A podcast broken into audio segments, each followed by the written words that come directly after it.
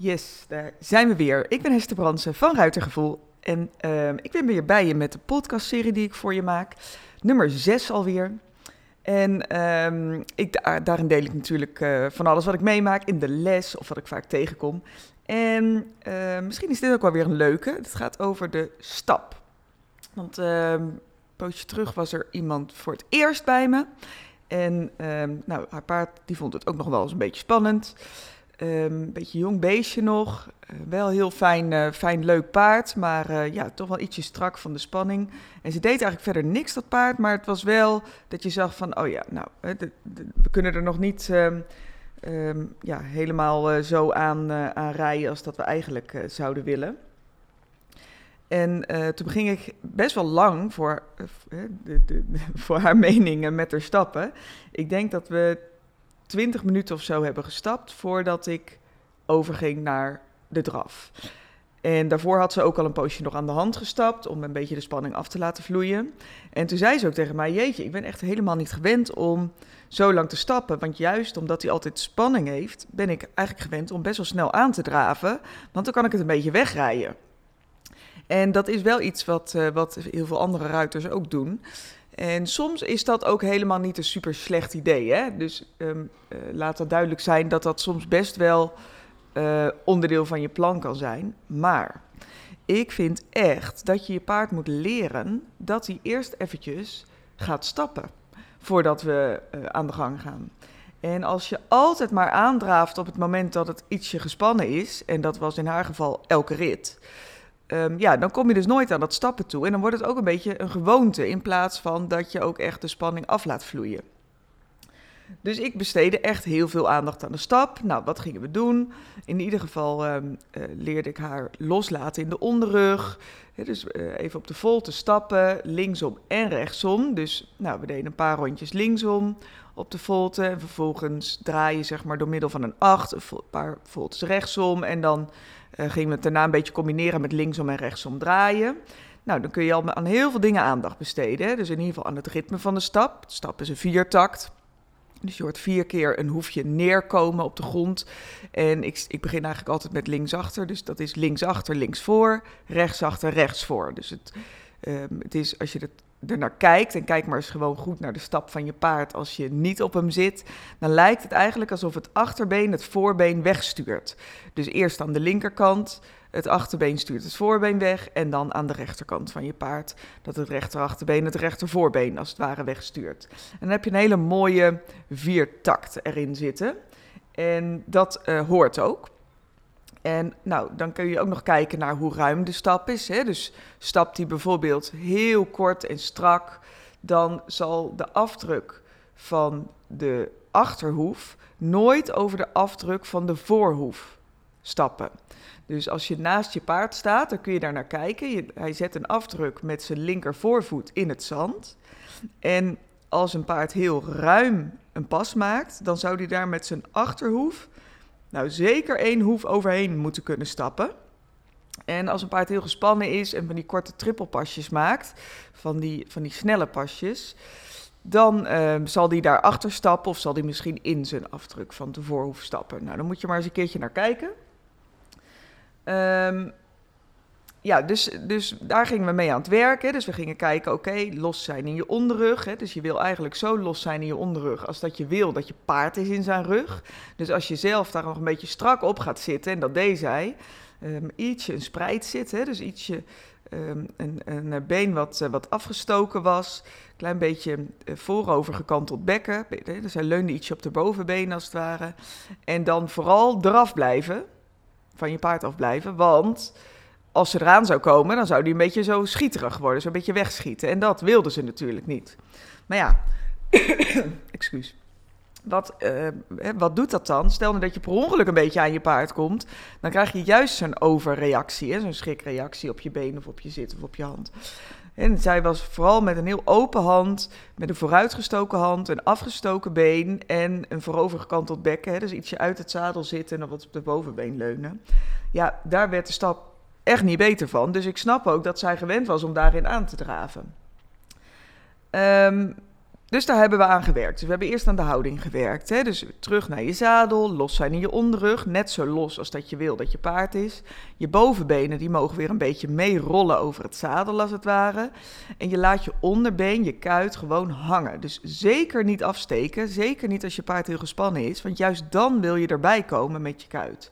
Dus juist dan, je hoeft niet aan te drukken, maar zorg dat je er bent. En eigenlijk, ik zeg altijd, net zoals dat je wil dat je paard je hand aanneemt, moet hij ook je been aannemen. Dus we willen eigenlijk niet alleen de aanleuning aan je hand, maar we willen ook de aanleuning aan je been hebben. En of met een heel strak aangetrokken been, of met een heel afgestoken been, is dat allebei niet mogelijk. Dus laat je been gewoon rustig meeswingen in het ritme dat hij stapt. Dan maak je contact met je teugels, hè, met allebei je teugels, heel zachte mondhoekjes voelen. En eigenlijk zagen we al heel snel, echt na een minuutje of nou, zes, zeven minuutjes zeg maar, dat zo'n paard inderdaad even ging ademhalen. Dat het echt even rustig werd. Dat ze inderdaad aan die wendingen kon werken, aan het plaatsen van de schouders. Hè, dus indraaien, omstappen. En daar bedoel ik mee dus dat hij echt om je been heen stapt. En dat hij dus aansluit in dat achterbeen. Want ehm, dat was ook nog, ik hou altijd heel erg van napraten tijdens zo'n, eh, eh, les of aan het einde van de les. Zodat, het, uh, zodat ik ook echt check van joh, doet iemand alleen maar wat ik zeg, omdat ik het zeg? Of is het kwartje echt gevallen en um, kan ze hier thuis ook mee aan de gang? Hè? Kun je het thuis narijden? En dat is voor mij als instructeur natuurlijk wel een hele belangrijke check. Want uh, natuurlijk vind ik het hartstikke leuk als het supergoed gaat in de les. Hè? Daar gaan we natuurlijk voor. Maar ik vind het nog veel cooler als ik iemand de vaardigheden en de kennis kan bijbrengen. Uh, dat hij er zo handig in wordt dat hij dat thuis kan narijden. En dat hij eigenlijk voor dat onderdeel mij steeds minder nodig heeft. Want pas dan. Um, ja, heb ik eigenlijk uh, bereikt wat ik zou willen bereiken als instructeur. Hè? Ik wil mensen niet afhankelijk maken van me. Ik wil ze juist heel zelfsturend maken daarin. En het is dus mijn taak om, om te checken van, joh, is dat er of niet? En nou in het begin, als je op een andere manier gaat rijden en op deze manier gaat trainen, dan is dat uh, best nog wel even lastig. Hè? Dus dan adviseer ik ook altijd van, nou kom maar even ietsje vaker, uh, zodat we daar even met z'n tweeën heel rustig een nieuwe patroon in kunnen brengen. En dat het echt in je lijf gaat zitten. Um, maar ik, ik, geef dus ook altijd huiswerk mee. Dus de ruiters die bij me trainen, die weten dat wel. Oké, dus het achterbeen wil je dat hij echt ondertreedt. En daar bedoel ik mee dat het uh, achterbeen links en rechts heel ver onder het lichaam van het, van het paard uh, ja, doorkomt eigenlijk. En nou, zij zei aan het eind van de les, en zo kwam ik erop, ze zei, ja, maar ik heb een vrij kort paard, die een wat, wat kort lichaam heeft. Dus ik dacht altijd dat omdat hij zo'n kort lichaam had, dat het achterbeen er sowieso wel onder zou zitten. En dat vond ik wel een hele interessante, want als zij dat denkt, dan zijn er vast meer ruiters die, nou misschien niet precies hetzelfde denken, maar wel een beetje in die trant denken. En dat is wel interessant, want dit paard maakte juist hele korte pasjes, van die korte vlugge passen, in plaats van die rustige lange passen, die je wil hebben in de stap. Ik zeg altijd, ze moeten schrijden in de stap, een beetje als de koningin lopen, zei ik altijd. Uh, en daar bedoelde ik toen nog Beatrix mee natuurlijk. En die kon altijd zo mooi schrijden. Um, dus op, op die manier wil je eigenlijk dat, jou, dat jouw vlugge en misschien wat schrikachtige en gespannen paard wil stappen. Heb je er nou een die juist een beetje lopen, hè, loopt te tjoekelen, zeg ik altijd zo, hè, die er juist een beetje achter kruipt en eigenlijk heel weinig wil doen, dan wil je dat hij gaat stappen als twee dames die aan het Noorderborken zijn. Hm, zie hem voor je? Van die lekkere, fanatieke, ijverige passen. dus dat wil je bij een paard die eigenlijk een beetje terugdenkt. Maar in dit geval was het een paard die eerder een beetje vlug was dan een beetje traag. En daardoor werd hij heel kort en snel in de pas. En maakte hij eigenlijk de pas dus niet af. En kwam dat achterbeen, ongeacht de lengte van het lichaam van het paard, er helemaal niet goed onder. dus hij drukte zijn lichaam juist over het voorbeen heen naar voren. En kon dat bijna niet bijbenen, letterlijk. Nou, waar kun je dat nou aan voelen, dat dat achterbeen goed ondertreedt? Hij bolt in de rug, dus dat voel je ook echt als hij echt aantreedt in het achterbeen. En op twee teugels aanneemt op je hand en daarop nageeft, dan voel je ook echt dat het een bolletje wordt in het lijf. Dus helemaal niet kort en gedrongen, maar juist een hele mooie aangespannen boog waar je op zit. En dat kun je dus ook voelen alsof je ietsje hoger komt te zitten op je paard. Zo voelt dat ook echt. Dus als je denkt, oh, ik zit een soort in een kuil dan weet je zeker dat hij niet zijn buikspieren aanspant, zijn rug bolt en het achterbeen eronder doorzet. Maar als je voelt alsof je op een bolbruggetje zit, dan weet je zeker, hé, hey, mijn, uh, mijn paard spant zijn buik aan. En dat is een van de voorwaarden uh, waardoor hij zijn, zijn achterbenen verder onderdoor zou kunnen zetten. Um, even kijken, wat had ik nog meer opgeschreven? Ja, dus in die stap ga ik dus voltes rijden, achtjes rijden, lusjes rijden. Dus je, eh, als zijn de soort slangenvolte.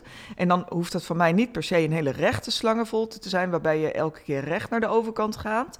Maar dat zou ook wel een beetje zo peervormige lusjes kunnen zijn. En ga dan eens voelen van, hé, hey, gaan alle wendingen, zowel links als rechts, heel gelijkmatig? Of heeft hij de neiging om bij de ene kant in de wending een beetje de buitenbocht te pakken, terwijl die in de andere wending misschien juist een beetje tegen het binnenbeen aanleunt en wat weinig buiging in het lichaam pakt. Nou, daar zijn allemaal weer, uh, weer oefeningetjes voor om dat beter te krijgen. Ik wilde het nu in ieder geval alleen even over de stap hebben, hoe je een gespannen stap dus makkelijker krijgt.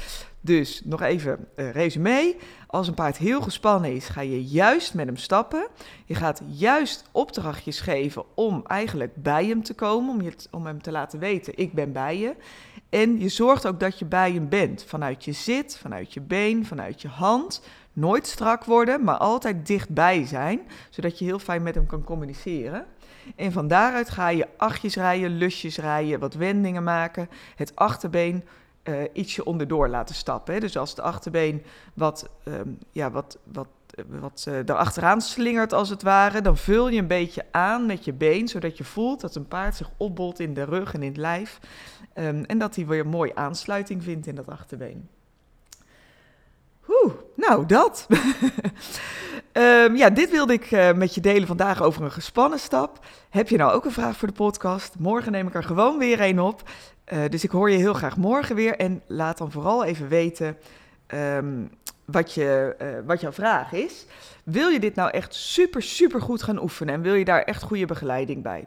Dan uh, wil ik je uitnodigen om even te kijken naar de um, hele mooie online training Mastering the Basics. Al in module 1 zitten de oefeningen om in stap echt een waanzinnige stap te krijgen. Um, daar zitten ook bijvoorbeeld in de oefeningen hoe je kan voelen welke, wat de beenzetting van je paard is. Dus niet hoe je dat kan zien, maar hoe je dat kan voelen. En dat helpt je ontzettend om je paard bijvoorbeeld beter aan je beenhulp te krijgen. En ik weet dat daar heel veel ruiters wel een beetje mee struggelen.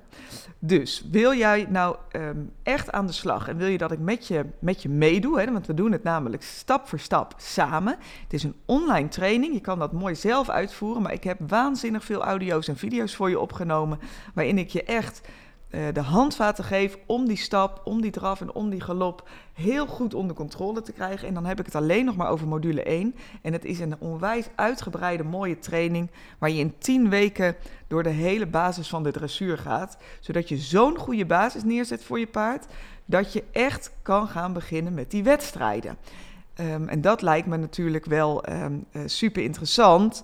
En ik moet zeggen, er zijn ook heel veel ruiters die hem uh, gekocht hebben en gestart zijn. Terwijl ze bijvoorbeeld al M-dressuur reden, als ze al Z-dressuur reden, als ze al in de L reden. Dus het maakt niet uit op wat voor niveau je zit. Merk jij dat er ergens in die basis nog een klein beetje dingetjes zijn, als je heel eerlijk kijkt, uh, waar je misschien nog wel mee aan de gang zou kunnen. Nou, dan moet je echt naar Mastering the Basics. Ik zal even een linkje in de show notes zetten. Um, en dan spreek ik je morgen weer. Doei!